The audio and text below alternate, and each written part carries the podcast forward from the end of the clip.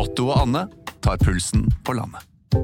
Ja, det gjør vi. Jeg heter Otto Jespersen, og hva var det du het igjen? Jeg heter Anne Grosvold, og hver uke har vi med oss en interessant gjest. Det har vi. Otto og Anne tar pulsen på landet, hører du der du hører podkast. Ready? You have the cameras rolling?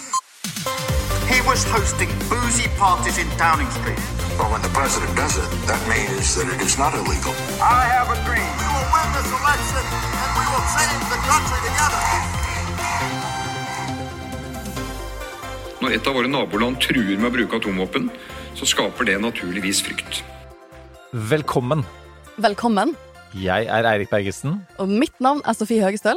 og dette er fortsatt vårt nokså uhøytidelige, veldig personlige forsøk på å nå bak ukas nyheter, lete etter sammenhenger, si noe om framtiden, på jakt etter det store bildet, sånn som vi ser det. Hver fredag. Og velkommen tilbake. Eh, Vi ble jo helt satt ut av hvor mange som ønsket å være med på giveawayen vår med eh, Hilde. Vi skulle jo gjerne gitt alle de 300 personene som tok et like på Facebook, en kopi av Hilde sin bok. Hvem liker ikke gratis eh, ting. Altså, Signert bok av Hilde har jeg også lyst på.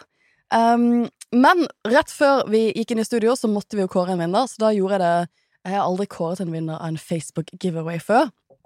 Så jeg gjorde rett og slett slik at jeg scrollet gjennom alle likesene, så trykket jeg blindt på en av dem. Og den personen jeg trykket blindt på, er Karianna Solli. Gratulerer så mye! Du har da vunnet en, en kopi av Hildes bok.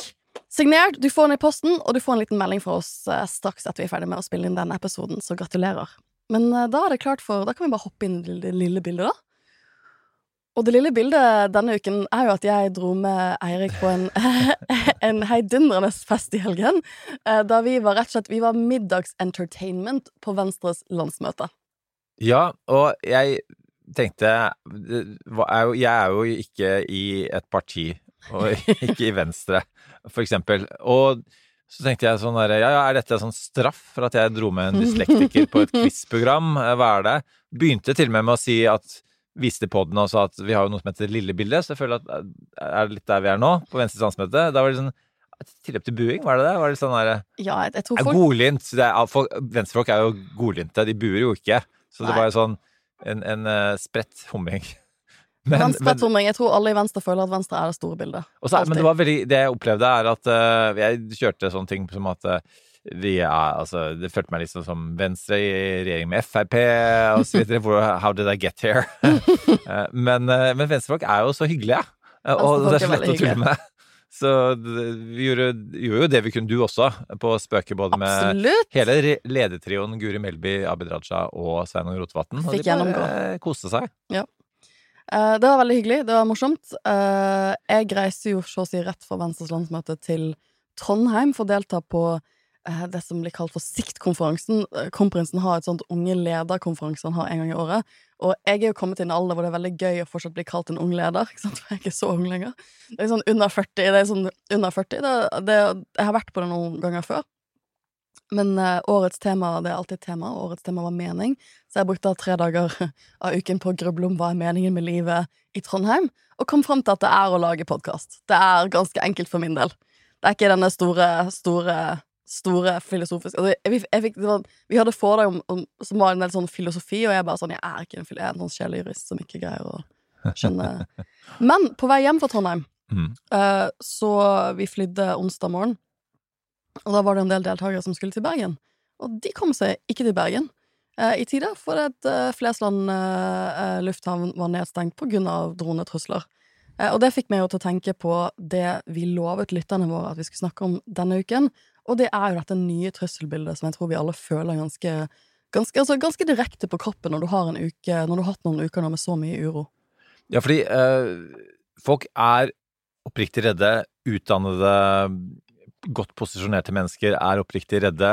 Man har en slags sånn derre Jeg skal ikke kalle det sånn endetidsstemning, men det er, det er jo analyser også, da, eh, i, eh, i sånne store, tunge tidsskrifter, og sikkert store, tunge podkaster, for den saks skyld, om, om eh, disse tingene her. Altså, er er det apokalypse snart, eller hvordan er det? Ja, altså, atomtrussel plutselig er, føler jeg er avisen annenhver dag nå. Seriøse analyser av atomtrusselen. Så vi tenkte jeg ok, vi må ha en gjest som eh, kan snakke om disse tingene på en analytisk måte, på en eh, tilbakelent og menneskelig måte. Eh, og da var det bare én person, da. Eh, velkommen, Anders Romarheim. Nei, takk for det. Fordi du er jo leder for Senter for internasjonal sikkerhet ved Institutt for forsvarsstudier og Forsvarshøgskole. Mhm. Har eh, doktorgrad i War Studies fra det eh, prestisjetunge Kings College i London. Har forsket mye på, på terrorisme og så. Og, og jeg er sånn, du er en av de som er sånn Føler sånn der eh, kanarien i kullgruven, som på Facebook, hvis det har skjedd en hybridtrussel, eksempel, går inn og ser på hva, hva tenker Anders om dette. Eh, hvordan eh, Og da er det fort gjort at det er noe sånn Du snakker, skriver om noen parkeringsproblemer og sånn til stedet. Så Mhm. på din Facebook-feed denne uka, så har du har ikke vært redd for så mye annet enn at du har mista internett, og ikke har noe i kjøleskapet, og kona di er på tur. Ja, takk. eh, eh, Veldig hyggelig å være her. Jeg har hatt en vanskelig uke, ja. Eh, Min kone har forlatt meg. Eh, Jeg håper det bare varer i fem dager pluss. Eh, Hun er på Rivieraen, jeg er hjemme, vi har ikke kjøkken. eh, Jeg passer på to barn, og internettrøyk eh, første dagen. Så det, for meg er det lille bildet prekært. Det kan vi si. Jeg er også veldig kanari på mer enn én måte.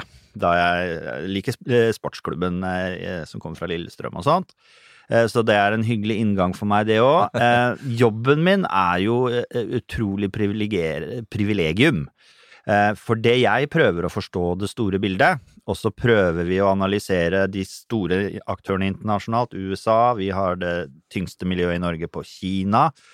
Og så har IFS og russlandsmiljøet og hele høyskolen er fullt av masse kompetente mennesker, men vår lille jobb er på en måte å forstå det internasjonale sikkerhetsbildet, og så eh, omsette det til det lille bildet. Hva betyr dette for Norge?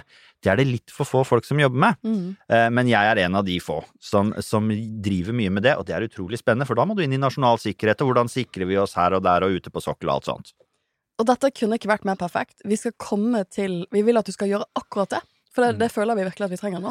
Vi skal, Men- gi, vi skal gi et trusselbilde, rett og slett. Vi skal se hva, altså, hva er det vi faktisk bør uroe oss for, hva kan vi gjøre med det, eh, og hva kan vi på en måte slappe av litt med, hva er mye prat og retorikk. Men før vi kommer oss så langt, så må vi innom Storbritannia. For Du vi- må innom Storbritannia! Jeg må innom Storbritannia! Vi snakka om det for Altså, eh, denne mannen ved siden av meg her er jo, er jo utdannet på Kings College i London. og er sånn her jeg rakk knapt å bli kjent med Liz Truss jeg, før hun var borte. Og, Hvem er hun? Ja. og, og, og jeg er i hvert fall ikke like engasjert som deg, Sofie, men er det noe som engasjerer deg, så er det uh, Liz Truss-sagaen. Ja, nei, Liz, vi, vi, vi måtte jo Vi streifet jo innom Storbritannia eh, forrige podkastepisode, og det, da sa vi jo rett ut Vi gjorde jo det fordi at vi var usikre på om Liz Truss ville være statsminister innen neste episode. Altså, for det er noen av lytterne våre som har hatt lyst til at vi skal gjøre dypdykk i Liz Truss og hennes regjering. Og jeg tenkte sånn, Vi kommer jo til det dypdykket sånn som ting går nå, men jeg hadde nok ikke trodd at den skulle gå i løpet av uken. Men det som skjedde var at vi spilte jo inn vår episode, og så på fredag så prøvde hun å sparke finansministeren sin i, i et håp om å redde stumpene. Det var en fadese i seg selv. Han gikk jo fra Silien si liksom noen timer før han ble sparket. Nei, nei, vi skal sitte lenge. Jeg skal være finansminister lenge. Dette, dette går bra. Og så kommer han liksom, så flyr han tilbake til London og får sparken. Eh, og de er jo ganske nære venner. Eh, og, og reaksjonen fra en del var sånn Dette kjøper deg ikke lang tid, for det er du som den politikken han har gjennomført som finansminister, som har ført til eh, ustabilitet, eh, eller har destabilisert store deler av den britiske økonomien, det var din politikk. Det var det du stilte til som konservativ leder. Så du kan ikke bare sånn pushe han under bussen og bare sånn 'Dette har ingenting med meg å gjøre'.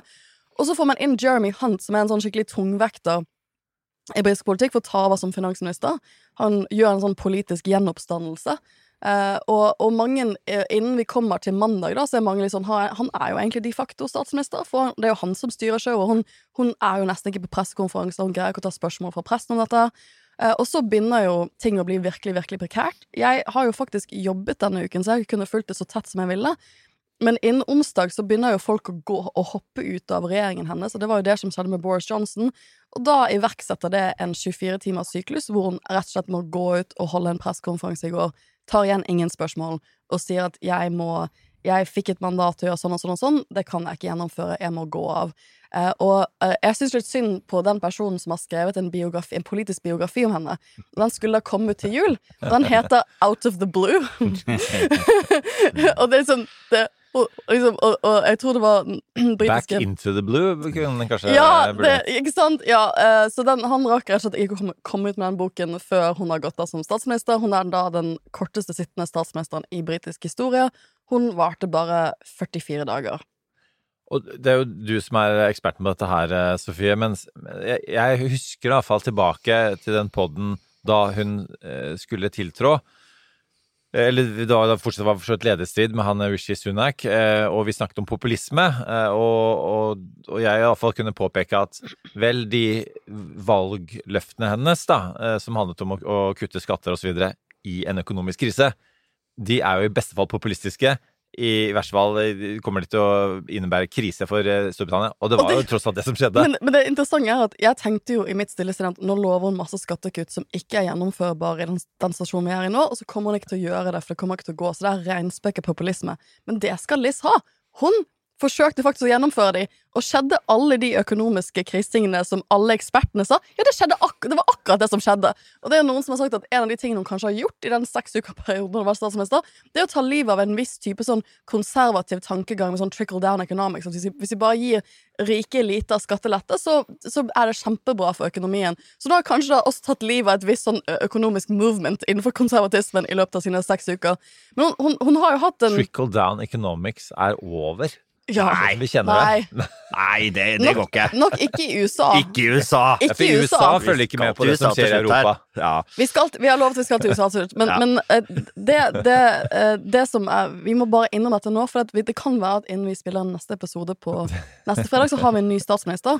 For det de har skjønt, er at de kan ikke denne komiteen, denne beryktede komiteen som sitter og skal velge ut den nye konservative lederen, de har skjønt at vi kan ikke gjøre, vi kan ikke ha en sånn seksukersprosess sånn som de hadde om sommeren.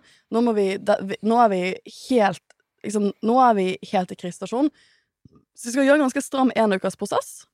Og hvis, jeg tror nok mange av de håper at de kanskje kan egentlig ha landet dette innen mandag. For, Og der er store spørsmålet Kommer Boris tilbake? ja, for du det, hadde ønsket deg det, Anders. for Du, jeg liker Boris du- Johnson. ja, ja, men, ja, men, Som menneske og som fargeklatt.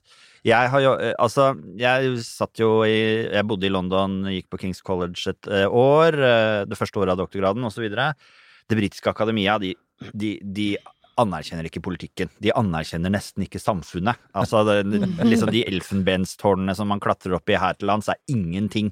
Det er så distansert og innadvendt og pompøst og høytidelig, som man kanskje kunne forvente. Så jeg, følte, så jeg er ikke så oppdatert på UK politics, eh, det, det er jeg ærlig på. Men Boris Johnson han har jeg fulgt, eh, fordi eh, Boris Johnson har noe av det samme som Trump. Det er klart begge er litt sånn til høyre, men de er morsomme. For de fleste politikere er skikkelig kjedelige. Sorry. Eh, politikk er ikke kjedelig. Liksom hva som skjer i verden, og, og partipolitisering fram og tilbake, debatter og alt sånt. Mye av det kan være kjedelig. Nei, eh, gøy. Men veldig mange politikere er sånn grå, kjedelige, klarer ikke engasjere. Men Boris Johnson, han har jo til og med vært eh, eh, ordstyrer på eh, Nytt på Nytt i, i England, liksom. Han, han er en skikkelig morsom kar. Og nå kommer vi jo til å se på Boris Johnson som den, den rolige og stabile perioden, sammenligna med Truss. Tenk på det! men vil vi ha fargeklatter som politikere? Som ansvarlige politikere i store land, Anders? Ja. Men det er gøy? Ja, fordi det er gøy. Men fordi, av, fordi det er et demokratisk problem at det er for kjedelig i politikken, og at eh, valgdeltakelsen går ned med engasjementet eh, som daler. Sånn at du er nødt til å ha noen.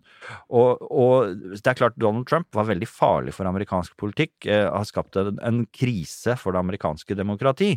Eh, og det kunne han fordi valgdeltakelsen er lav, blant annet. Så får du lav valgdeltakelse, har du et demokratisk problem. Så du må prøve å sprite det opp litt. USA gjøres jo dette på andre måter. Det er jo mer show. Ja, en liten referanse til det, i og med at du blanda inn Don Trump. Jeg er jo midt i Maggie Habermans Confidence Man, som altså Oi, oi, oi. Du har anbefalt den før, jeg eh, vil anbefale den igjen. Den er veldig interessant, og det er faktisk det, det, det, det du snakker om med disse litt sånn, det humoren og sånn, det handler også om litt, en type sånn menneskelighet, på godt og vondt. eh, Og det er åpenbart eh, to, som man ville ha sagt på engelsk, flawed characters, disse to vi snakker om her. Men Maggie Haberman er ganske Hun, hun sier at Trump har noen positive sider, og han er faktisk relativt sympatisk, helt til du for eh, går imot han. Men eh, en ting hun også sier dette med, med humoren. Hun sier at mange av de sitatene man ser i avisa, som det høres ut som det er en frådende eh, gærning som, som sier det, er egentlig sagt på en sånn Humoristisk humoristisk måte. off the måte. Uh, og, og det er jo Så det er, det er en sånn interessant ting med, med disse folkene. Og de, altså de er jo en sånn slags uh, Nå skal jeg snakke fransk. Agent provocateurs. Mm, Ikke sant? De ønsker å på en måte eh, riste litt i, i eh, samfunnets bestanddeler, da. Mm. Humor is king, eh, kan man jo på et vis si. På internett Det er jo Humor er en utrolig sånn salgbar Altså, det gir deg status på internett. I disse verste sånne Chan-miljøene og sånn, så, så vitser de jo om det når de skal eh, Når noen har begått massedrap eh, live på gata og sånt. Det er jo helt grotesk. Men, men du har humor i de greiene der òg. Jeg jobba jo litt med det forferdelige manifestet til eh, Behring Breivik. Brifa ja. Gjørv-kommisjonen om det, blant annet. Og da er vi på ganske heavy shit. Men, men ingen kan si at han ikke prøver å være morsom. Han slår noen vitser i sitt eget manifest. Breivik, altså? Ja, eh, i, i det e- autointervjuet og sånt. Ja. Uh, eh, jeg synes, Han er ikke fryktelig morsom, men, uh, men allikevel. Humor, det, det, det er salgbar og klingende mynt uh, overalt på internett. Ja, og, og spørsmålet er jo om humorkongen i britisk politikk kommer tilbake igjen, for Boris Johnson har avbrutt ferien sin. For det han har gjort siden han gikk av som statsminister, er at han har feriert mye. Og så har han tatt noen helt sinnssykt godt betalte speaker-oppdrag og fått sånn 1-2 millioner kroner for å holde et foredrag. Og jeg, jeg lurer på veldig hvem disse personene er som vil betale han så mye penger for at, snakke, for at han skal snakke til dem. Men det, det han, han har gjort det, og så har han gått på ferie, reist på ferie. Um, det som er interessant, er at det store spørsmålet i går var OK, Liz Truss går av, men hva blir prosessen for å få inn en ny statsminister? For det som har vært litt av diskusjonen, har vært at hvis, vi, hvis man bare hadde spurt de konservative eh, MPs-ene, altså de stortingsrepresentantene som sitter, altså de konservative representanter som sitter i det britiske parlamentet, så ville, de, så ville, ville Rishi Sunak vært, uh, part, vært statsminister, og ikke Liz Truss. Hun vant fordi hun vant folkets stemme, eller partimedlemmenes stemme. Eh, og det de nok, uh, har de nok vært ganske bevisst på at de ikke nødvendigvis ønsker en sånn type prosess igjen. Så det de har gjort, er at de har laget en prosess hvor nå har de som ønsker å stille, de har egentlig tre og et halvt døgn på å få 100 personer i, av de konservative eh, representantene til å backe seg. Eh, og de konservative har vel 150-160 MPs som sitter i parlamentet akkurat nå. Så de må få 100 av de, det er ganske høy terskel.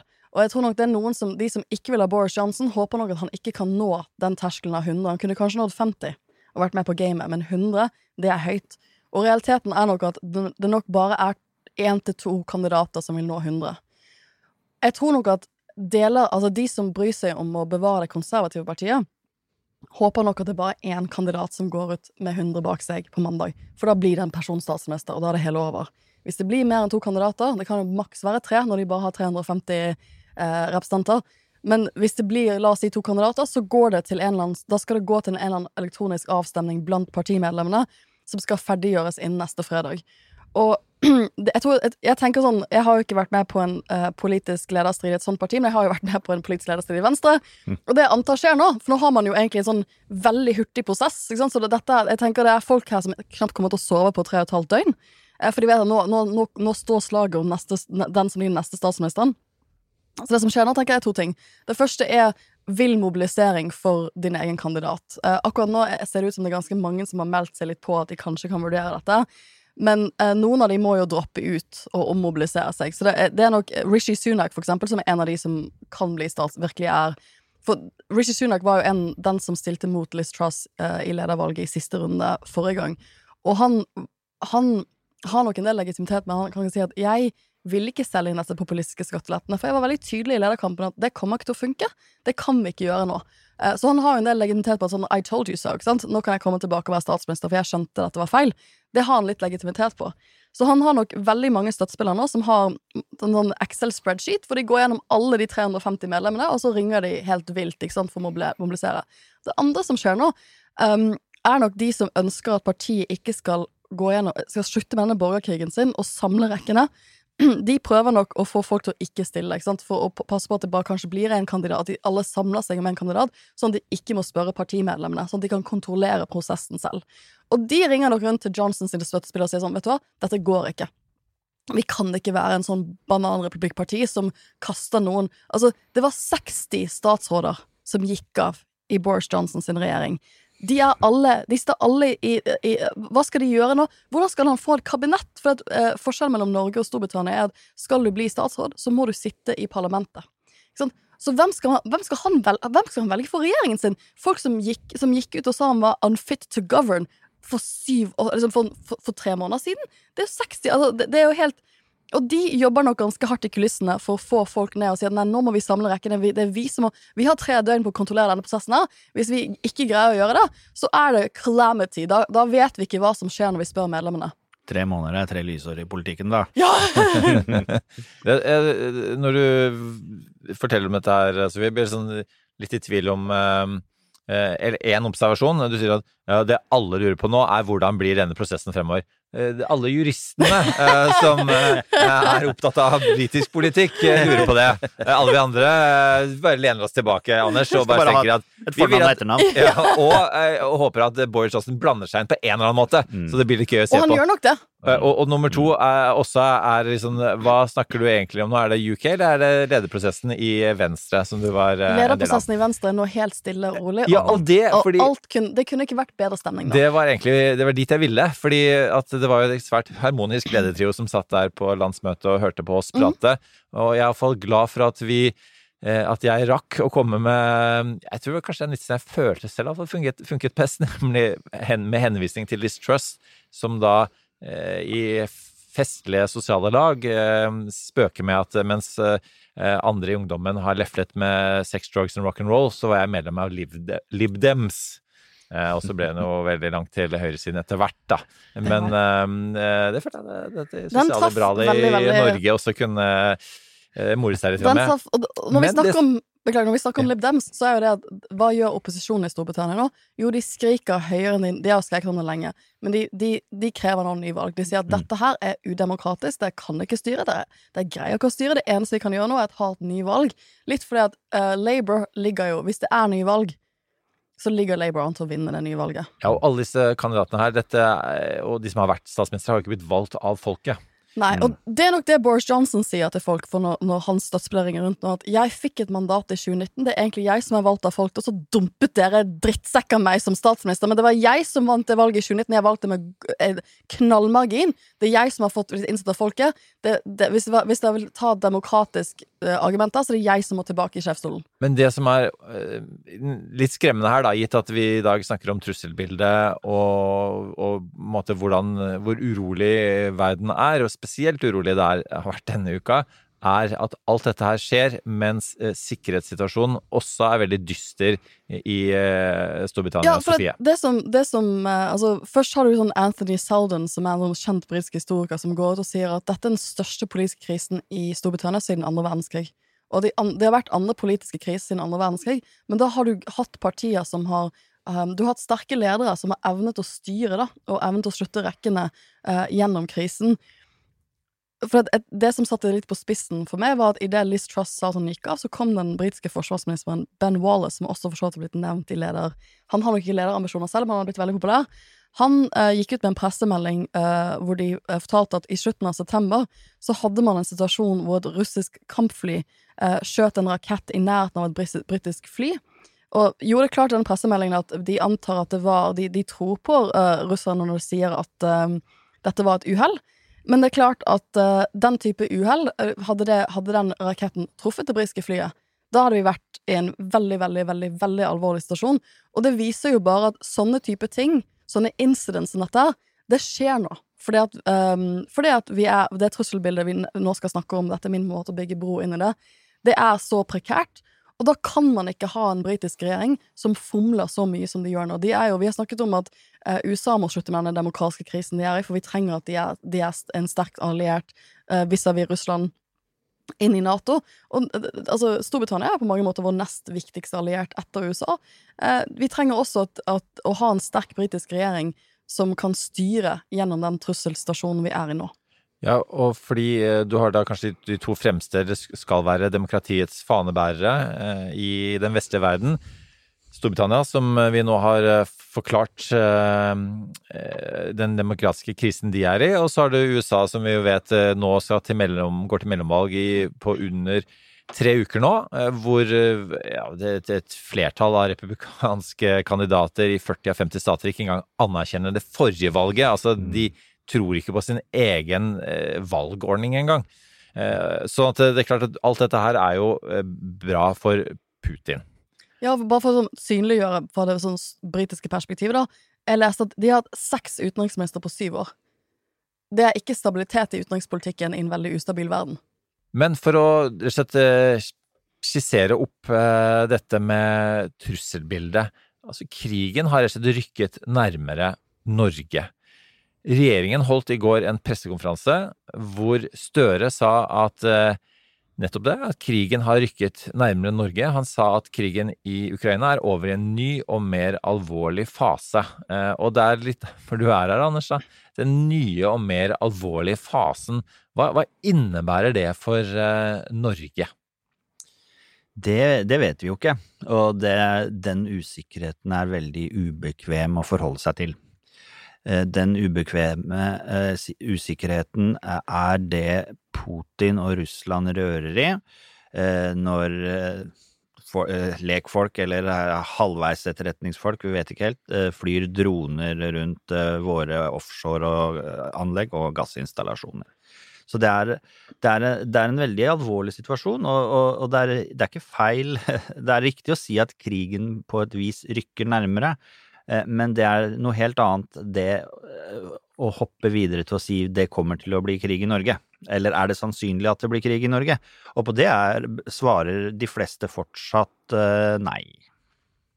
Ja, for han sa jo også eh, på pressekonferansen i dag at vi ser ikke i dag en direkte militærtrussel mot Norge, men vi har skjerpet beredskapen. Så han prøver å si at på den ene siden så er det sånn direkte militærtrusler har ikke økt siden, siden, siden invasjonen i februar, men det er disse hybride truslene som, som endrer litt det sikkerhetspolitiske bildet, og det er jo det du blant annet er ekspert på. Ja, eh, jeg eh, jobber med alle typer trusler, eh, og syns det er ufattelig spennende. Det med hybride elementer er Nå brukes det jo ganske riktig, den terminologien. Ofte så sier man bare ja, nå er det noe hybrid på gang. Men hybrid er en blanding av krigs... Altså kinetiske militære kapasiteter og andre tiltak som da ikke er rein kampkraft og ildkraft. Og det er det vi ser. Og vi vil mye heller bli ramma av eh, provokasjoner, eh, milde, eh, ulike former for cyberangrep, enn at man lobber granater innover grensa vår. Det er en stor forskjell, men eh, du kan si vi lever nå i en, i en fase av utstrakt hybrid krigføring, der eh, sabotasjeaksjoner sånn som de mot eh, Nord Stream i Østersjøen er kanskje det, det, det mest dramatiske så langt. Men det er vel lov å si at, at er det én person som håper at uh, podkaster i Norge snakker om uh, hvor skummel eh, tilværelsen er, eh, og, og hvor forsiktig vi må være, så er det en, er det en Putin. Fordi dette, dette, denne skremselen her, det er vel jo kanskje først og fremst det han er ute etter. Eh, at én ting er at, at hva som faktisk kommer til å skje, men at vi tror og føler at noe kan komme til å skje, det er vel spillet til Putin, er det ikke det, Anders? Ja, eh, frykt og avskrekking står helt sentralt her. Eh, vi eh, føler på et ubehag i Norge eh, nå eh, på grunn av det Putin foretar seg, eh, på en form for signalisering om at eh, denne krigen kan ramme andre steder og på andre måter enn den foreløpig har gjort. Eh, Men hvis vi snur på det, så er det ingen tvil om at Putin er utrolig bekymra for Nato og Natos involvering. Det er en grunn til at Nord Stream sprengte akkurat ute i internasjonalt farvann.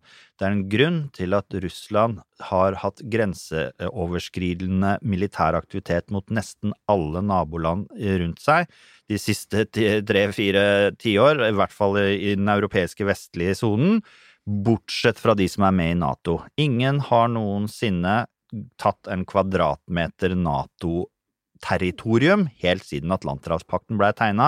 Den sikkerhetsgarantien, den avskrekkende effekten, den anerkjenner Putin.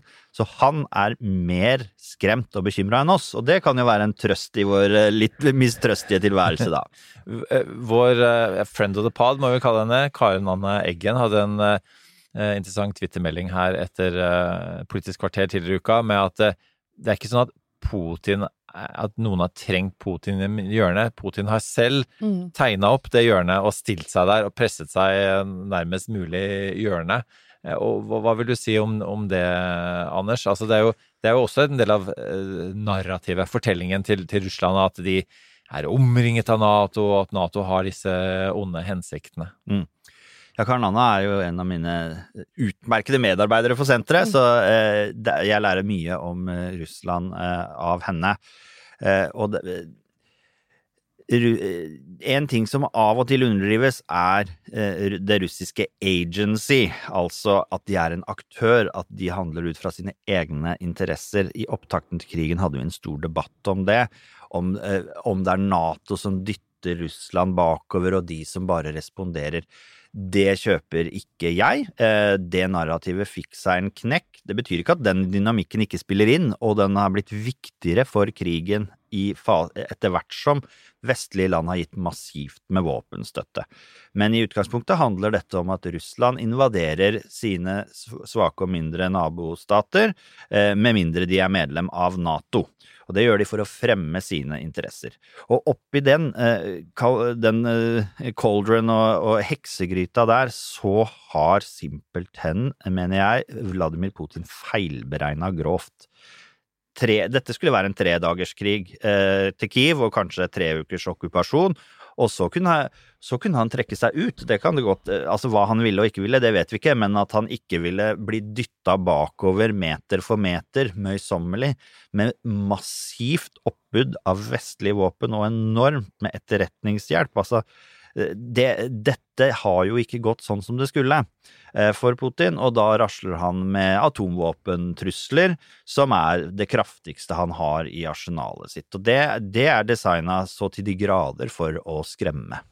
Ja, for du, du, du sa det innledningsvis, at, at poenget med at det plutselig flyr noen rare droner over Flesland, og plutselig blir det masse russere som er arrestert for med droner på grensen. er så Fredrik Solvang hadde et intervju med den, um, den russiske ambassadøren til Norge i, i går, som gikk på Dagsrevyen og gikk på Debatten. Og der var han litt sånn Å nei, men 50% av turister går med droner. Sånn, det gjør de ikke. Eh, takk for den. Og så får han spørsmålet sånn Og så prøver han å si at ja, ja, men det er ikke ulovlig unna Han prøver å tolke norsk lov, at det er ikke en aircraft, og det er det som er for Altså, russ, russere kan ikke um, føre, eh, føre liksom et, en aircraft, men, men, eh, men myndighetene er jo tydelige på at vi definerer under norsk lov en drone som en aircraft. Og det er ganske mange, du skal ha ganske mange ting på plass det jeg har lært denne uken for å få lov til å kjøre en eh, fly en drone rundt omkring. Men, men du sier jo at det er jo rett og slett for å skape usikkerhet. Det er jo for at vi skal føle den usikkerheten på kroppen at han gjør dette. Og som han også sier, russiske ambassadøren nærmest, eh, vi kan ikke se den grense i lufta. altså, det var jo det var litt Harald Heide Steen eh, over han karen. Ja, jeg, jeg, jeg så ikke det intervjuet, så det, eh, men det, det sier jo også noe om Du, vet- jeg tror du vet hva han svarte, for å si det sånn. Ja. Det var jo eh, ganske klassisk russisk eh, diplomat. Eh, Ja. ja, de skjønner ikke helt problemstillingen. Nei. Hva galt er det vi har gjort? De, eh, de stiller seg hele veien uforstående og benekter ting som knapt lar seg benekte. Og, og jeg og en kollega, Tom Røseth, som vel var på debatten i går sånn cirka, skrev jo en kronikk om dette, eh, jeg tror det var i DN, eh, om at denne krigen er foreløpig vestlig etterretnings største suksess på lenge. Mm. Eh, fordi i, lø, i opptakten til krigen så brukte man etterretning utrolig aktivt til å drive Putin på defensiven og tvinge han til å ljuge til alle eh, nabostatene sine, til venner, fiender, eh, de fleste. Eh, han måtte ljuge til eh, sitt eget folk og sin egen hær, der mange tenkte de var på øvelse. der, fordi amerikanerne og de vestlige var så tydelige på at det kommer en invasjon, vi vet det er planlagt, den kommer på onsdag, nei vel, så kommer den eh, neste torsdag isteden. Det dreiv han på defensiven fra dag én, og han har aldri klart å komme på Ja, offensiven igjen. det, det er litt interessant å se tilbake på nå, for det var jo noen som var ganske kritiske til at, eh, at vest, Vesten gikk ut og snakket så tydelig om det åpent og sa at vi har, vi har etterretning sånn og sånn, vi tror dette her. Ikke sant? Mm. At det var feil, at det var en sånn form for krigshisseri Mm. å gå ut og snakke om dette åpent. Mens det du nå sier, er at det var jo egentlig for å drive han på defensiven før han invaderte, sånn, og tvang han opp i et hjørne allerede da, der hvor han måtte, være, måtte snakke usant, kanskje mer enn han ville, om hva som egentlig skjedde på bakken. Ja, eh, og der mener jeg eh, simpelthen at eh, hva skal vi si, vestlig etterretnings eh, store blemmer i det siste. Eh, de de eh, spilte inn i at norsk offentlighet, norske medier, hadde litt vanskelig for å tro på dem denne gangen. Eh, Var dette et spill for galleriet, den typen ting. Og, og det, det, det visste ingen med sikkerhet da. mm. Men man skal alltid huske på at eh, etterretningstjenester de kan komme med informasjon som, som kan være villedende. Men, når, men du vil ikke fòre det politiske lederskapet ditt med feilaktig informasjon. Sånn at en, en liten sånn kontrolltest som jeg tror litt for få mennesker i norske medier, vil jeg si helt eksplisitt, eh, rett og slett tok inn over seg, er ja, hvordan kommer de til å se ut hvis dette ikke stemmer? Da Mm. ville det vært den, da ville det vært den nye Irak- eh, og masseødeleggelsesvåpenkrisen og skandalen igjen. Det ville vært Ja, vi kan holde Kabul i 90 dager enda en gang, den er mindre enn Irak, men da ville det vært en ny stor blemme. Eh, og, og det kan skje, det vet vi jo. Disse tilfellene jeg nevner med Irak og Afghanistan, viser at det skjer med jevne mellomrom. Men det har altså en så stor kostnad. For det, eh, hele opptakten blei prega av en slags ja ja, amerikansk etterretning bommer jo ofte, og de, de kan lyve. De gjorde ikke det. Det var en presis eh, beskrivelse av det hendelsesforløpet som kom. Og da, da får du The Moral High Ground lander da på vestlig side, og en meget dyktig mann som heter Emil Simpson, han sk har skrevet i en bok The, The Moral High Ground, once evacuated, is extremely hard to retake. Ja. Og der er Putin nå.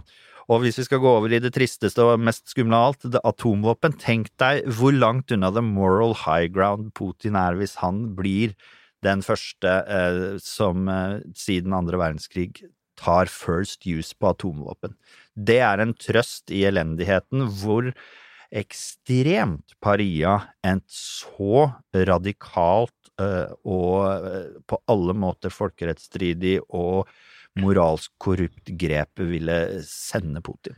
Hvis vi eh, tar tak i det, Fordi fordi Et stort tema. Ja, og, og, og, det, men det jeg hører deg si da, eh, fram til nå, er jo egentlig at vi, vi, vi skal ikke gå rundt og være så altfor engstelige. Etterretningen er god. eh, det- det- Putin eh, selv i Putin-logikk ville ikke tjene på, å gjøre noe mer enn å rasle med atomsabelen.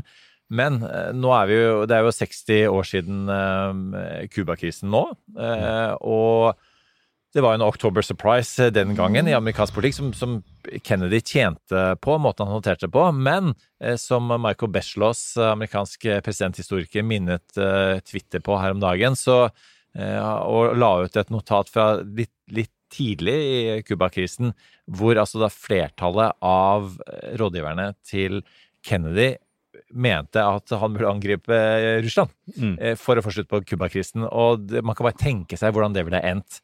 Mm. Så hvis du kan eh, spekulere litt med oss her, da. Hva hvis Putin føler seg tjent med å sprenge en såkalt taktisk atomvåpen eh, for, for liksom å ja, igjen prøve å få slutt på Eller hans kalkulasjon da vil være at dette vil ikke Vesten eh, ønske å, eh, ønske å gjøre noe med, for at de vil beholde moral high ground.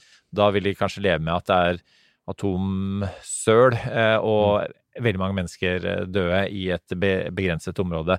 Hva, hva, hva skjer da? Ta oss litt inn i det scenarioet. Ja, dette er jo et ekstremt scenario, og vi må ta ekstreme forbehold.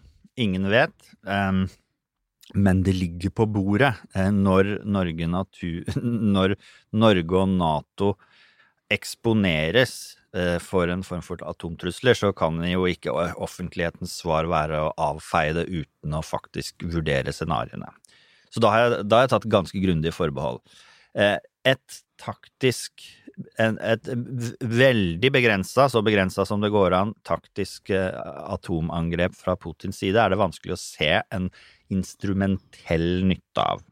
Det, det har vi allerede vært litt innom. Det, vil, det er en moralsk komplett korrupt handling. Eh, Det er vanskelig å se en instrumentell strategisk nytte av det. Vår respons på vestlig side kan man kanskje dele i tre hovedkategorier. Eh, Den ene er eh, velkjent begrep fra spillteori og strategiske studier som kalles tit for tat. Man svarer med samme mynt. Det kan man si at bruker én stat Det er hele atomvåpenlogikken og terrorbalansen rundt det hele. Eh, Det som på en måte holder det på et eh, likevektspunkt, et ekvilibrium, er trusselen om at bruker du, ja, så bruker vi. Eh, Jeg tviler på om det er det som kommer til å skje. Litt ut fra at da er Da vil ikke engang Kina klare å si å, Mm. Putin, det var uflaks at du måtte bruke atomvåpen først.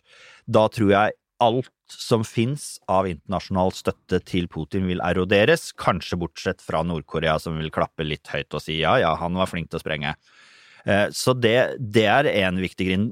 Det andre er målutvelgelse. Hva vil Vesten hvor, vil, hvor i Russland vil Vesten sprenge en atombombe?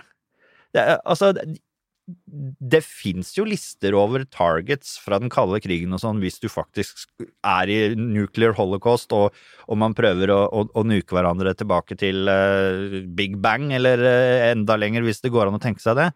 Men, men det ikke, du finner ikke noe, noe, noe adekvat mål der, der Vesten ønsker å påføre Russland eh, atomelendighet og avfall og Tsjernobyl-aktige tilstander i tiår, århundrer.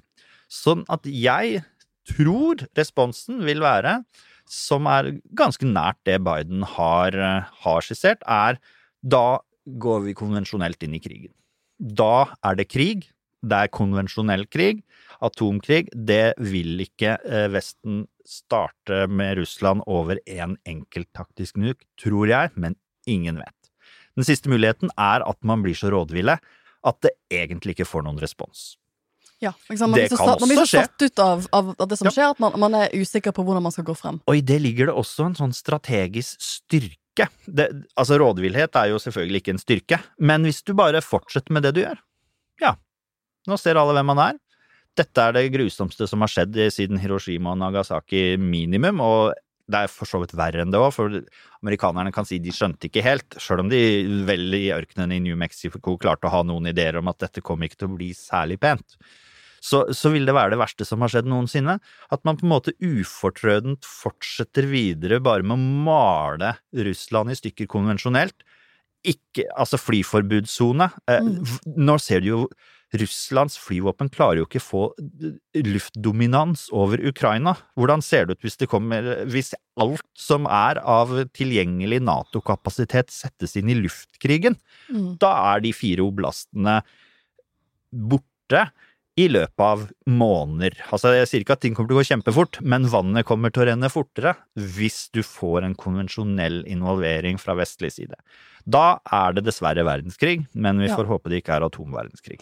Ja, for jeg leste en lengre analyse fra The International Institute of Strategic Studies. Ja. Vi må bare puste litt Vi må ja. hente oss inn litt. dette er heavy shit. Det, er- det er kjempeheavy, men uh, jeg, jeg studerte jo International Relations. Vi bodde jo samtidig i London, Ja. viser det seg. Og da studerte jeg jo International Relations på LSE, som er en bitter fiende til Kings College. Ikke like god. Ja, ja. Libyan School of Economics. Ja, ja.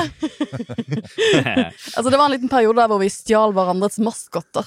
Ja, Eh, så liksom Kings College stjal en ene pingvinen på campuset til LSE, og vi stjal ting tilbake. Det var, en, Mm. det var en urolig tid i en relasjon der, for vi ligger jo ganske nærme hverandre sånn rent fysisk uh, i, i London. må jeg skyte inn at jeg pleier å si LSE og Kings College ligger bare et par steinkast fra hverandre, og folk benytter det til nettopp det av Ja. og til. Kaster stein i retning av hverandre. Men jeg, jeg, hadde jo, jeg, hadde jo selvfølgelig en del om atomtrussel, og jeg hadde jo selvfølgelig Jeg måtte, liksom, jeg måtte børste av støv fra den undervisningen jeg hadde liksom for 15 år siden om dette. da Mm. Så leste jeg en lengre analyse fra The International Institute of Strategic Studies, som er en sånn, tenk, sånn international relations-tenketanke i Rett ved London. siden av Kings. Ligger double I, double ja. S. Mm, Ja. mm. William Albert Q som har skrevet analysen, er jo også veldig ty altså, Jeg føler det er veldig sammenfallende med det du sier, at det er unlikely for mange grunner at Russland kommer til å bruke atomvåpen i Ukraina. For det gir Hvis du prøver å se det fra deres situasjon, så er det så, liksom Man ser jo tre scenarioer hvor de kunne brukt uh, atomvåpen. Uh, men resultatet for de, som du sier, jeg tror kanskje en av de mest avgjørende tingene er jo at de ville mist, nok mistet kinesisk støtte med en gang. Og de er helt avhengig av kinesisk støtte. Det er jo det som gjør at de kan fortsette med krigen. Uh, vi så dette toppmøtet mellom Putin og Xi Jinping for, Mm. for noen måneder tilbake. Mm. Det er jo utenkelig at de vil få den type Det vil være en pariah på den internasjonale scenen på en måte som, som ikke ikke vil, ikke vil være tenkelig gangbart for de på sikt. Så han er jo også veldig Altså, han, han, han skrev jo mye om dette her, eller de skrev en del om dette her i februar da krigen brøt ut, men da har skrevet om det i lys av Biden sine kommentarer at her må vi roe oss ned litt, for det virker ikke fordi deres analyse at det er ikke noe mer sannsynlig nå enn det var i februar. Og det syns jeg var litt sånn beroligende, for de er jo et godt mil- de er jo et sterkt miljø. Han har jobbet mye med Nato og atomvåpentrussel lenge, da. Så da ble jeg litt beroliget. Og jeg blir jo beroliget for så vidt av å høre på det du, du snakker om, om nå, men det er jo tung, det er tungt. Det er veldig tungt. Jeg, syns vi må si vi, vi har en litt sånn Dr. Strangelovsk ledig tone rundt det. Dette er et veldig alvorlig tema, eh, men, men vi, vi, vi lever ikke lenger av å aldri le.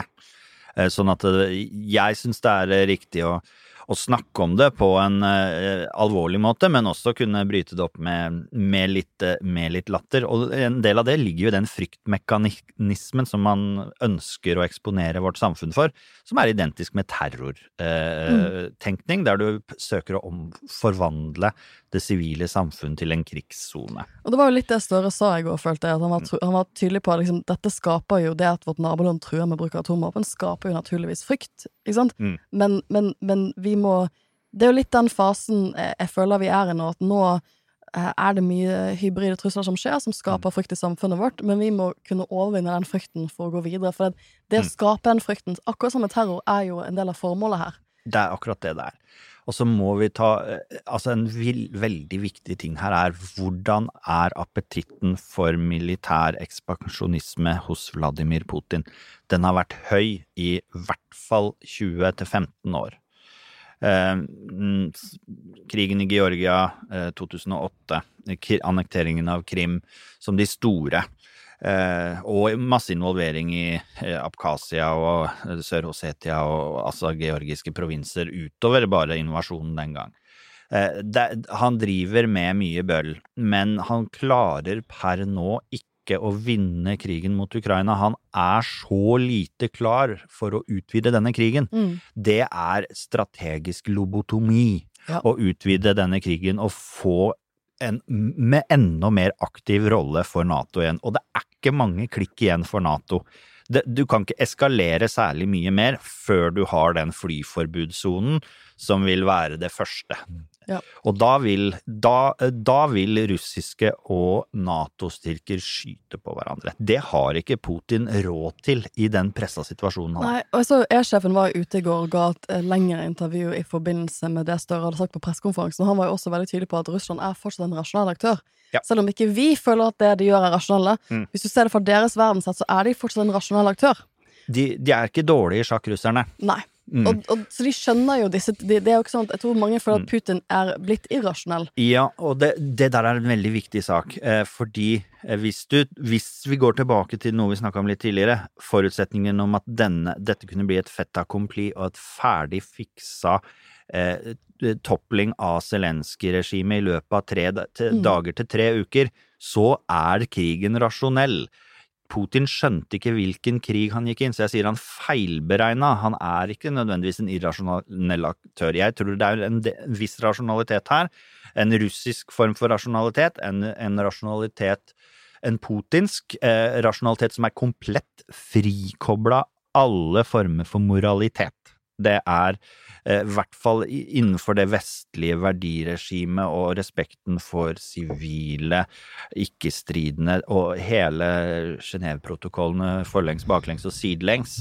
Det kan du bare hive rett ut. Det er ikke Putins gebet. Men å fremme et stort og sterkt Russland og, og fremme russiske interesser er det han holder på med, så lykkes han bare skrekkelig dårlig om dagen, og takk Gud for det. Prøver du å si noe at Putin ikke har respekt for uh, Sofies uh, arbeidsområde folkerett?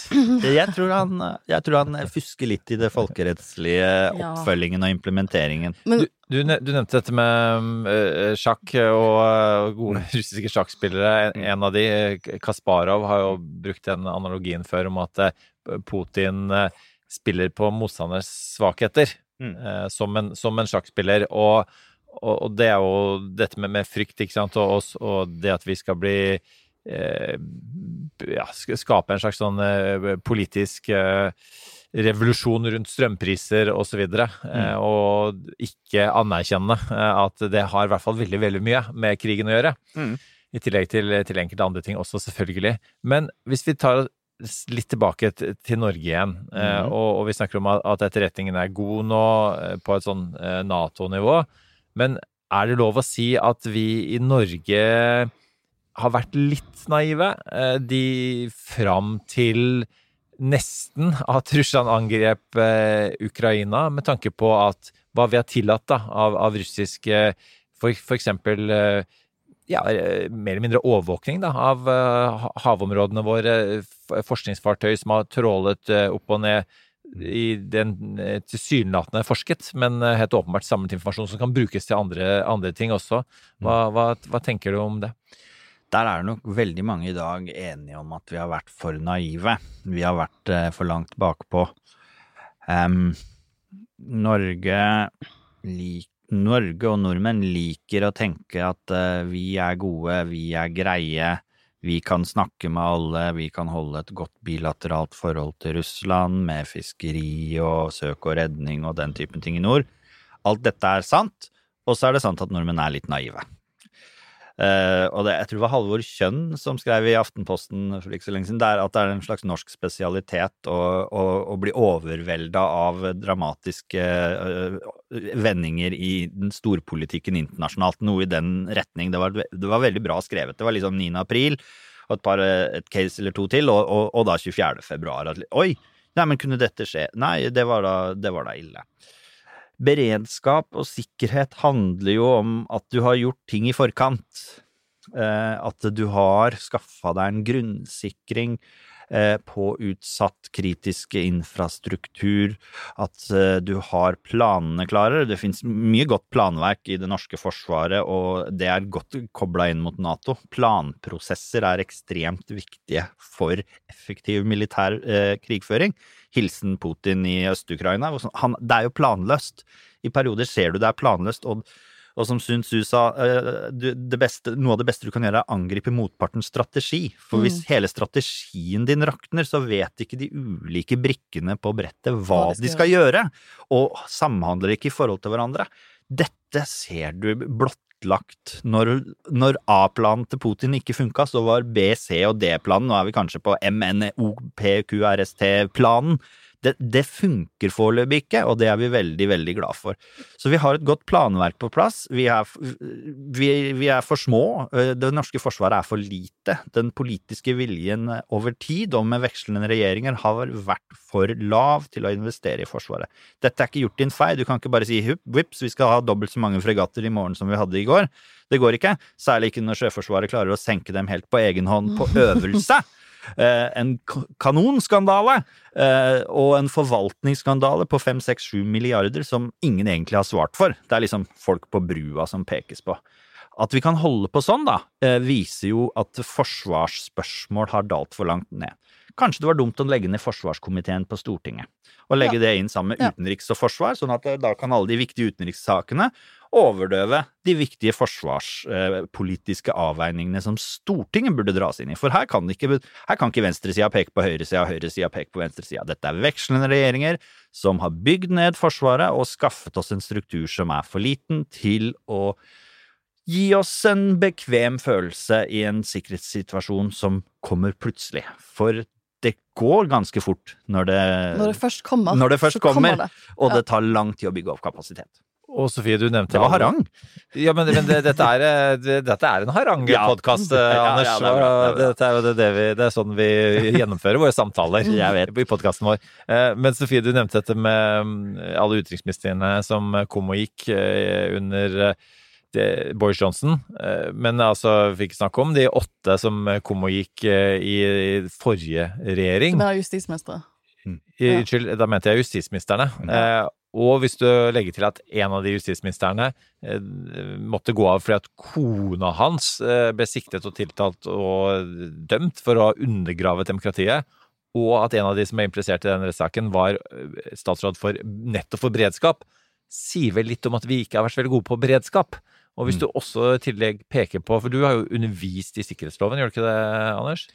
Nja, det er vel ikke helt riktig, men jeg holder noen foredrag der hva skal vi si, eh, forebyggende sikkerhet og nasjonal sikkerhet med sikkerhetsloven som utgangspunkt er, står sentralt. Og hvis vi skal på en måte eh, trekke fram enda noen syndere, da. Eh, oljeindustrien og kraftindustrien, som har eh, tillatt disse dronene som surrer rundt sine anlegg. Eh, du, du, du sa til meg på, da vi snakka om eh, denne, at du skulle være med her, at de, de er fusket i faget. Hva Ja, det? Det var jo en runde hos Fredrik Solvang i debatten der jeg nok gikk ganske hardt ut, eh, men jeg har sjelden fått så mye tilbakemelding på at dette stemmer. Mm. Eh, og det har jo å gjøre med at jeg satt i en utredning eh, som jeg etter hvert skjønte kom på plass nettopp med et, form, et av formålene var nettopp å få eh, olje- og kraftindustrien til å havne inn under sikkerhetslovens virkeområde, sånn at de skulle bli bedre til å beskytte seg mot villede handlinger. Ugjerninger av folk som vil oss vondt, krever en annen form for sikkerhetstenkning enn det vi benytter oss av mot ulykker og mishaps, som, som kan skje, men uten overlegg. For eh, forskjellen da mot kraftanlegg, kraftanlegg i Norge, hvis det skulle bli utsatt for sabotasjeaksjon, og det kan vi ikke si er helt usannsynlig, det har det aldri vært. Eh, Det er blitt litt mer sannsynlig at noe sånt kan inntreffe etter det som skjedde i Østersjøen og all, all denne droneaktiviteten. Vi, vi er på radaren på en annen måte enn vi liker å være. Og da smeller det jo ikke én transformatorstasjon som er sentralt, da vil du smelle ut flere noder samtidig. Da er det vanskelig å få strøm, og det store spørsmålet er jo ikke bare strøm. Da er det hvorfor skjer dette, hvem gjør det, og hva er neste skritt? Vil det eskalere til noe større? Eh, Så vi har rett og slett hatt at næringsinteressene har blitt veid for tungt opp mot eh, tidvis kostbare eh, pålegget til sikkerhetsloven og grunnleggende sikring som vi eh, nå gjerne skulle hatt, og som tar litt tid å bygge opp.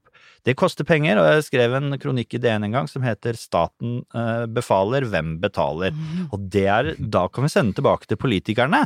For det, næringslivet har ikke lyst til å ta denne regninga her på vegne av AS Norge for det politikerne syns at eh, vi skal sikre oss bedre mot Putin. Det må en sikkerhetsmilliard eller tre på bordet, som, der et spleiselag fra det rike offentlige Norge er med på å alleviate og dempe sjokkeffekten av økte sikkerhetstiltak, som jeg skjønner at norske eh, næringslivsvirksomheter er bekymra for.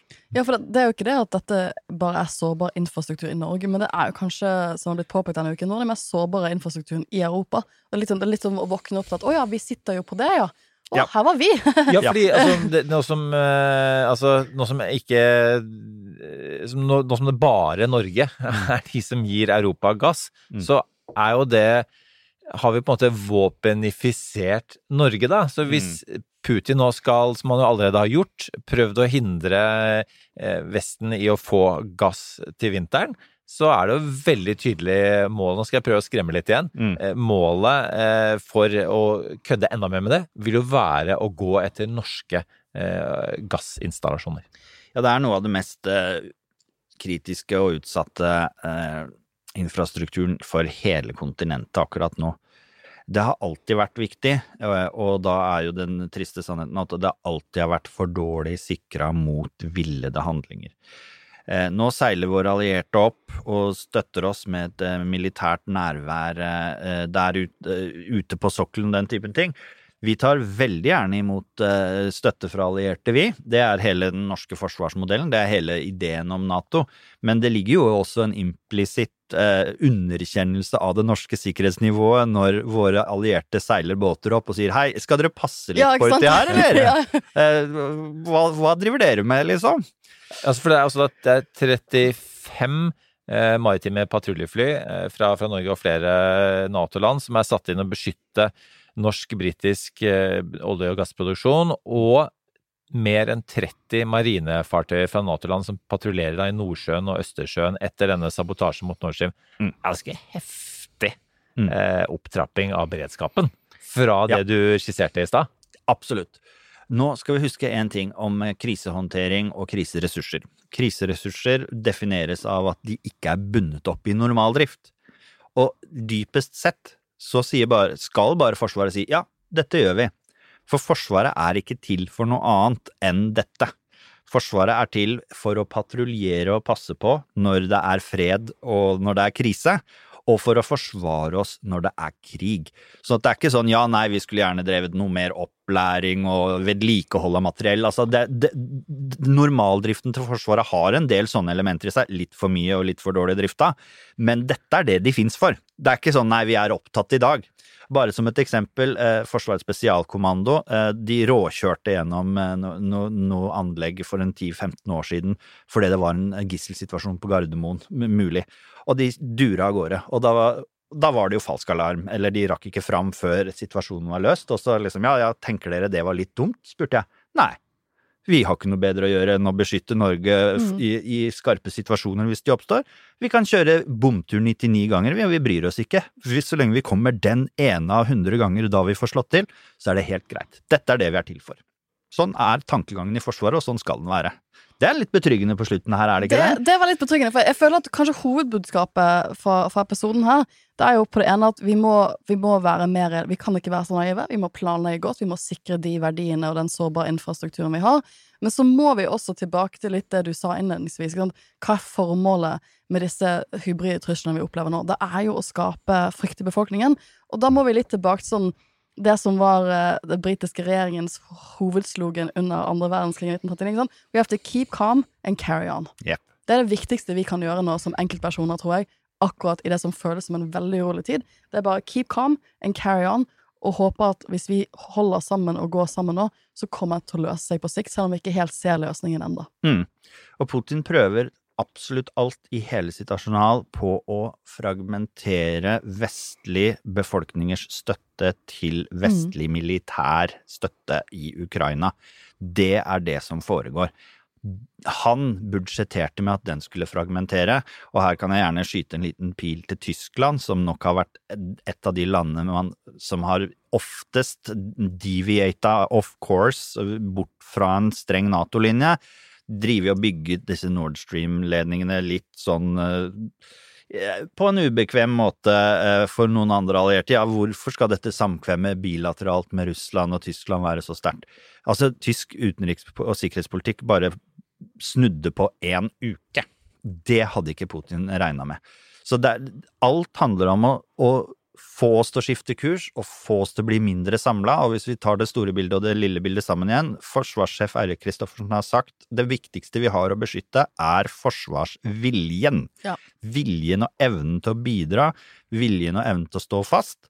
Og for de militære personellet, viljen og evne til å løse de oppdragene vi får, om det er patruljering på sokkelen eller eh, styrkeoppbygning i Øst-Finnmark, som vi jo håper det ikke kommer til. Men det er ingen styrke på andre siden av grense Jakobselv. Det er ikke stilt opp styrker der. De øver og flyr rundt og driver normal øvingsvirksomhet. Russland bygger opp styrker i sør. På, I Ukraina. Det er det det russiske forsvaret holder på med nå. De holder ikke på å planlegge en invasjon av Norge, det ville være galskap. Så keep calm and carry on. Vi må runde av. Vi skal, vi skal virkelig calm down, eh, fordi vi skal til eh, vårt eh, ukentlige eh, anbefalinger, nemlig påkobling og avkobling. Anders, eh, hva er det som kobler deg på og koble deg av i disse dystre tider? Ja, um, hvis man skal koble seg på og, og lese kanskje Jeg har et par lesetips. Eh, det kan man jo gjøre når, når man går inn i helga. Og det er korte tekster. Dette klarer du, eh, kjære lytter. Eh, det er snakk om to tosidere. Det ene er det store bildet, og det andre er det lille bildet. Det store bildet er at USA har gitt ut en nasjonal sikkerhetsstrategi. Hvis du lurer på hva USA har tenkt å gjøre med å kontre de truslene vi står overfor i verden, som leder av The Free World, som eh, the indispensable nation i Nato-alliansen, så forklarer Joe Biden forbilledlig i forordet sitt til den nye nasjonale sikkerhetsstrategien som kom eh, for en eh, drøy uke eller to siden. Det bør alle lese. Er du rørlegger, jobber, sitter du i kassa på Rema eller Kiwi eller annetsteds. annet sted, dette kommer du til å skjønne. Jeg har forska på disse nasjonale sikkerhetsstrategiene, og dette er noe av det ryddigste, tydeligste argumentet på hvordan man skal uh, utkonkurrere Kina og demme opp for Russland, som er noe av hovedgreia. Så vil du også merke at her ligger det en hjemlig dimensjon som ikke pleier å være der. Vi må harness og, og, og betrygge det amerikanske demokratiet hjemme, som er egentlig en demokratisk utkvittering av 6. januar, Ja. kongressstormingen fra snart to år siden. Det er et veldig godt lesetips, og så er det jo harde tider for Forsvaret. Forsvaret må finne sitt moralske fotfeste eh, i varslingssaker og sånt, og eh, på stratagem.no, en eh, fin forsvarsblogg der jeg også har vært litt skribent, der har Daniel Thomassen, tror jeg den skrev, eh, en kommandørkaptein, skrevet en ypperlig tekst om hva problemet er, og hvordan det faktisk kan løses. Det bør man koble seg på i helga og lese to tosidere. Det klarer alle. Det er enkel hjemmelekse fra høgskolelektor Romarheim. Jeg elsker å få hjemmelekser som Ja. det. Nå skal jeg gå hjem og lese det. Ja. Eh, har du plass til noen avkomlinger da, i den eh, veldig påkoblede tiden? Ja, altså nå er jeg jo gressenkemann. Eh, Da spiller jeg hard rock på stereoanlegget. Jeg får ikke spilt så høyt når barna skal sove, eh, men eh, jeg kommer til å, å sette på noe god hardrock. Jeg anbefaler jo hvitvin hvis man skal høre på heavy metal, og, og rødvin hvis man skal høre på mer normal rock, da. Så Led Zeppelin 2 tror jeg jeg skal kjøre. Jeg, jeg var i en podkast en gang om Led Zeppelin 2-albumet. Det var veldig gøy. Så da jeg, spurte sjefen meg hvor er du, jeg skal i en podkast, hva handler den om? Eh, Led Zeppelin 2? Å ja! Heldigvis liker direktør i IFS også hardrock, eh, og vi skal tenke litt eh, fritt og, og, og, rundt arbeidstider og slikt. Eh, Trening i arbeidstiden det er det store adgang til i Forsvaret, og det der var nesten trening, altså. Eh, Så det var veldig gøy. Men Led Zeppelin 2 og en eh, god flaske Chateau Neuf de Pape tror jeg man kan ønne seg i disse dager. Nå trodde jeg du skulle anbefale Salt 2-avtalen, at man skulle lese den, men det er altså Led Ja, ja, ja. Zeppelin 2. Ja. Eh, Kanskje begge deler. Eh, Skader ikke. Og, og faktisk så um, eh, sies det at Erna Solberg hun hører på Iron Maiden eh, mens hun går og forbereder seg til eh, debatter. Veldig bra. Partilederdebatter. Det kan jeg også anbefale. Eh, og, og det, det er en, en god hvit burgunder og, og Iron Maiden, det redder helga. Det- Man skal unne seg et godt glass vin eller annen drikke man liker eh, for å slappe av. Vi lever i gode tider, sjøl om flyalarmen driver og går i bakgrunnen Ja, så her mens vi flyalarmen går i bakgrunnen. bakgrunnen mens vi snakker. og skal berolige det norske Ja, folk. kan, kan ikke du berolige oss her og nå hvorfor flyalarmen går? Eh, det er sikkert en øvelse. Ok, Jeg har en anbefaling basert på alt det som skjer i britisk politikk. Og det er en klassisk politisk satireserie fra 2005 tror jeg, som heter The Thick of It. Mm -hmm. uh, om liksom Som jeg altså, virkelig kunne ikke anbefalt mer. Det er, jeg tror den er å finne på Britbox, hvis man eh, antar at noen av våre lyttere har det abonnementet. Jeg har ikke det, dessverre. Hvis det var én ting jeg skulle sett på i helgen, så hadde det vært uh, The Thick of It. For det, det er en klassisk politisk satire om en regjering som vakler, og om en statsråd som blir satt inn etter en annen statsråd blir sparket. Og Eh, og ikke minst eh, en sånn forryktet regjeringskaptein, altså en sånn utsendt som egentlig styrer, som tar kjefte på folk, eh, som heter Malcolm. Eh, og jeg føler sånn, det er nok det, det nærmeste innblikket vi kommer til å, å få eh, i hva som skjer i eh, regjeringsgangene til det konservative partiet akkurat denne helgen. Jeg kan berolige dere med at det vi trodde var flyalarmen, jeg lurer på om ikke det er en boring i etasjen under. For at uh, det hørte jeg at noe varsel om eh, er tekniker. Nei, det er ikke boring. Det er flyalarm. Ok. Det er flyalarm. Nå vi, ok, nå har vi brukt en time pluss, tror jeg, på å prøve å berolige folk. Mm. Ehm, og så har vi endt opp med å bli, i hvert fall jeg, da, uh, urolig helt på slutten fordi at vi hører en flyalarm. Ok, men, men altså da Men du eh, er jo ikke vår kanari i kullgruven, Anders. Du er ikke urolig. Nei, nei, nei, det er sikkert en øvelse. Jeg sa det litt spøkefullt, men jeg tror det er det. det er, eller altså flyalarmen jeg, jeg tror Ikke si 'jeg tror jeg er det', si 'det er det'. Uh, jeg tror jeg er det.